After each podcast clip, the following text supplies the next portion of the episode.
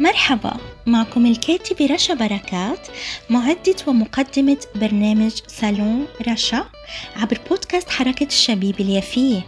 صالون رشا رح يكون صالون مفتوح لكل أنواع العناوين المحلية والعالمية واللي أكيد بتفيدنا. اسمعونا على منصات التواصل الاجتماعي والتطبيقات Spotify Podbean Google وابل وطبعا على الفيسبوك بصفحتي بودكاست حركة الشبيب اليافية وحركة الشبيب اليافية. سالون رشا.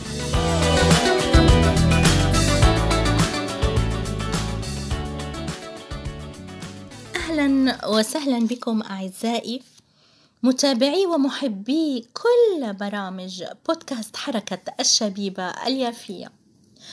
أما اليوم في صالوني صالون رشا وفي الحلقة رقم مئة. أحببت أن يكون هناك في صالوني سلام خاص مني للشهيد الغالي الراحل الباقي غسان كنفاني. إذا وكما غنت فيروز فيروزتنا من قلبي سلام لبيروت. أنا أقول من قلبي سلام لروحك غسان كنفاني اليوم سأتكلم وأعرفكم عن كتابه بعنوان في الأدب الصهيوني وهو من إصدار مؤسسة الأبحاث العربية.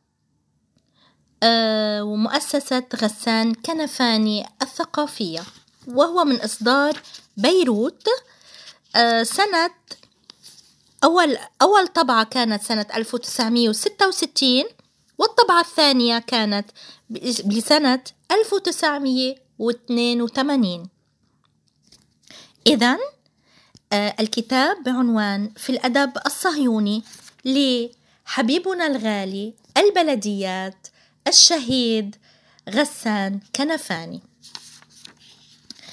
ولد غسان كنفاني بحسب آه، ليس آه، هذا النص الآن سأقرأه بالتعريف عنه. ليس من كتابتي لم أكتبه أنا لكن كتبوه تم تم تمت كتابته والتعريف عن سيرته الذاتية في الكتاب في الأدب الصهيوني. إذا غسان كنفاني ولد في عكا سنة 1936 وعاش في يافا واضطر إلى النزوح عنها كما نزح آلاف الفلسطينيين بعد نكبة 1948 تحت ضغط القمع الصهيوني حيث أقام مع ذويه لفترة قصيرة في جنوب لبنان ثم انتقلت العائلة إلى دمشق. عمل كنفاني شهيدنا الغالي أنا أضيف منذ شبابه المبكر في النضال الوطني. وبدأ حياته العملية معلما للتربية الفنية في مدارس وكالة غوث للاجئين الفلسطينيين الأونروا في دمشق. ثم انتقل إلى الكويت عام 1956 حيث عمل مدرسا للرسم والرياضة في مدارسها الرسمية. وكان في هذه الأثناء يعمل في الصحافة كما بدأ إنتاجه الأدبي في الفترة نفسها. انتقل إلى بيروت عام 1960 حيث عمل محررا أدبيا لجريدة الحرية الأسبوعية. ثم أصبح عام 1963 رئيسا لتحرير جريدة المحرر كما عمل في الأنوار والحوادث.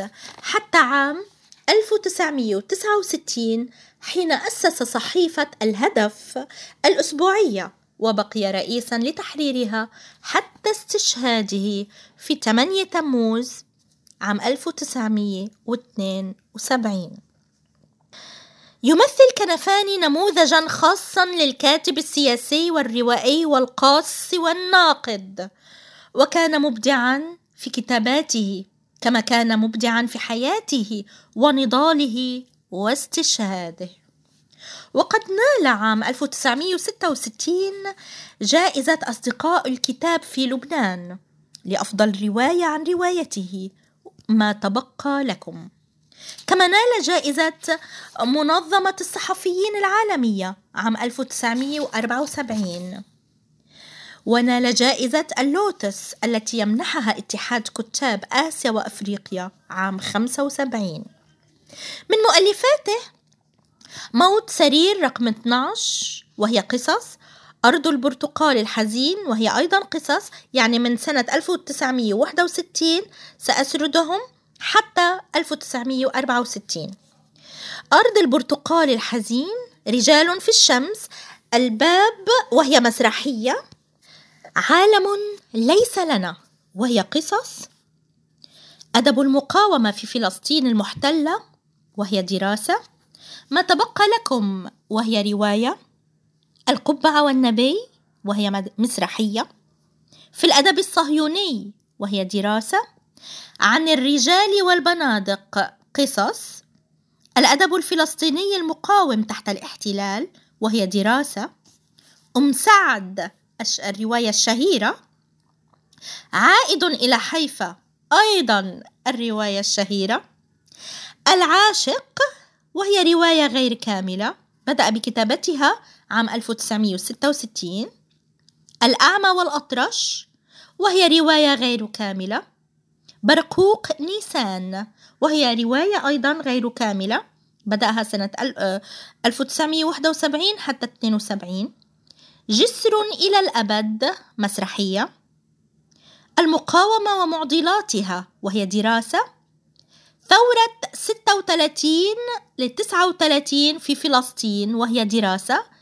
آه كتبها سنة 1972 بالإضافة طبعا إلى مجموعة أخرى من الروايات والدراسات السياسية والفكرية والتاريخية والنقدية التي لم تنشر في كتب منها آه الشيء الآخر أو من قتل ليلى الحايك آه وهي رواية نشرت على حلقات أسبوعية عام 1966 كذلك اللوتس الأحمر الميت وهي رواية ثم أشرقت آسيا وهو كتاب عن رحلة, عن رحلة إلى الصين.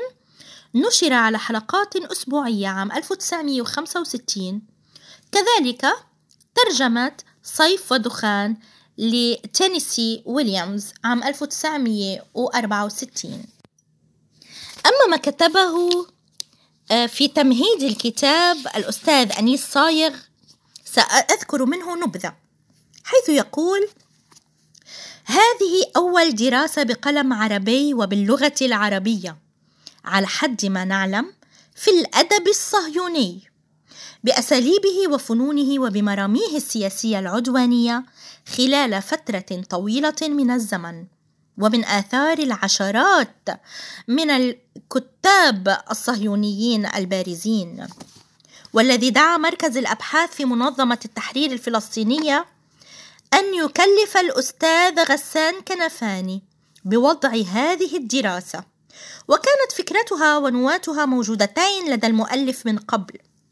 هو شعور المركز بأهمية درس هذه الناحية المهمة من النتاج الصهيوني التي أغفلها الباحثون العرب ممن حصروا, حصروا اهتماماتهم في الحقل السياسي فقط من الحركة والعمل الصهيونيين. بالرغم من العلاقة المتينة التي يبينها هذا الكتاب القائمة بين السياسة وبين الأدب في الحركة والعمل الصهيونيين المذكورين. لقد سخر نف... الأدب الصهيوني نفسه للسياسة ومع هذا التسخير وفي أبشع صوره سخر نفسه لخدمة أغراض سياسية عدوانية. استيلاء جماعة على أرض شعب آمن وعلى خيراته وممتلكاته وحقوقه وحرياته. وسخر نفسه لخدمة هذه الأغراض العدوانية بأبشع الوسائل بالكذب والتمويه وبقلب الحقائق. ومع هذا يجد الأدب الصهيوني صدى وديا واسعا في العالم ويجد الكثير من الترحيب والإعجاب. ولا يكاد يروج رواجا تجاريا ومعنويا أدب سياسي واحد خارج البلد الذي يصدر فيه بمقدار رواج الأدب الصهيوني في بقاع العالم المختلفة.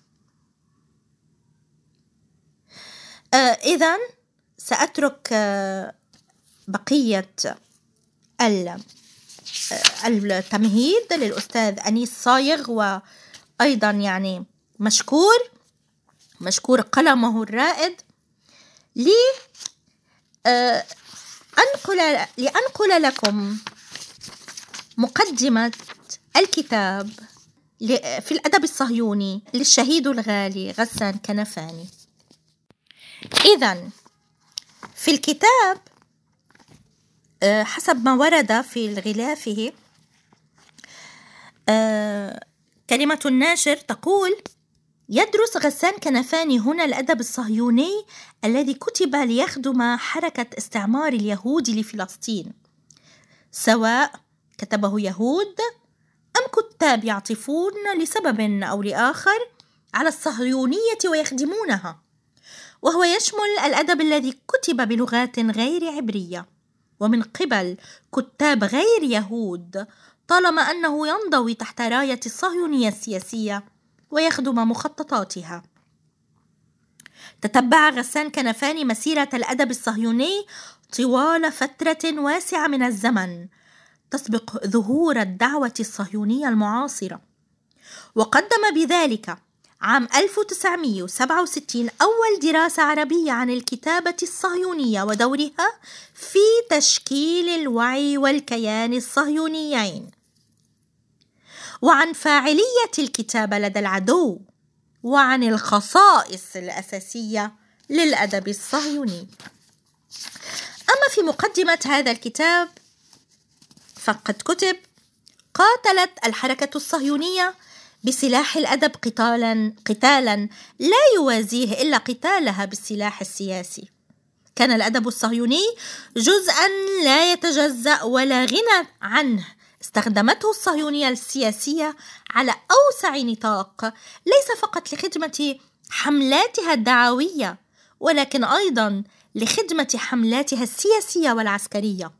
ولن يكون من المبالغة أن نسجل هنا أن الصهيونية الأدبية سبقت الصهيونية السياسية وما لبثت أن استولدتها وقامت الصهيونية السياسية بعد ذلك بتجنيد الأدب في مخططاتها ليلعب الدور المرسوم له في تلك الآلة الضخمة التي نظمت لتخدم هدفا واحد. إذا أعزائي هذا كتاب مهم جدا في الأدب الصهيوني وعنوانه كذلك في الأدب الصهيوني للشهيد الغالي الراحل الباقي غسان كنفاني. وطبعا آه، يمكنكم أن تقرأوه وتبحثوا عنه في الأرشيفات الفلسطينية. بالتأكيد ستجدونه. آه، وكيف لا ولن تجدونه؟ إنه لغساننا. ومن لا يعلم غسان كنفاني لا يعلم عن الشخصية الفلسطينية شيء. طوبى للشهيد الراحل الباقي غسان كنفاني وفي سالوني سالون رشا الحلقة رقم 100 ومن بودكاست حركة الشبيبة اليافية الذي يبث من مدينتنا يافا العريقة الجميلة. و لروح غسان كنفاني اليافوي أقول طوبى لك غساننا طوبى لك ونحن على نهجك وعلى دربك سائرين. شكرا لكم جميعا. أودعكم الآن. وقد حان لي أن أختم حلقتي. أراكم في حلقة جديدة. وعنوان جديد في صالوني صالونكم عبر بودكاست حركة أشابيب اليافية الذي كذلك كما قلت يبث من مدينتنا يافا. ويمكنكم أن تتابعوا كل برامجنا عبر منصات التواصل الاجتماعي والتطبيقات مثل Spotify Apple Google و Podbean وطبعا عبر الفيسبوك بصفحتي حركة الشبيبة اليافية وبودكاست حركة الشبيبة اليافية. وكذلك على الإنستغرام بودكاست حركة الشبيبة اليافية. أراكم بخير في حلقة جديدة. وعنوان جديد في سالون رشا.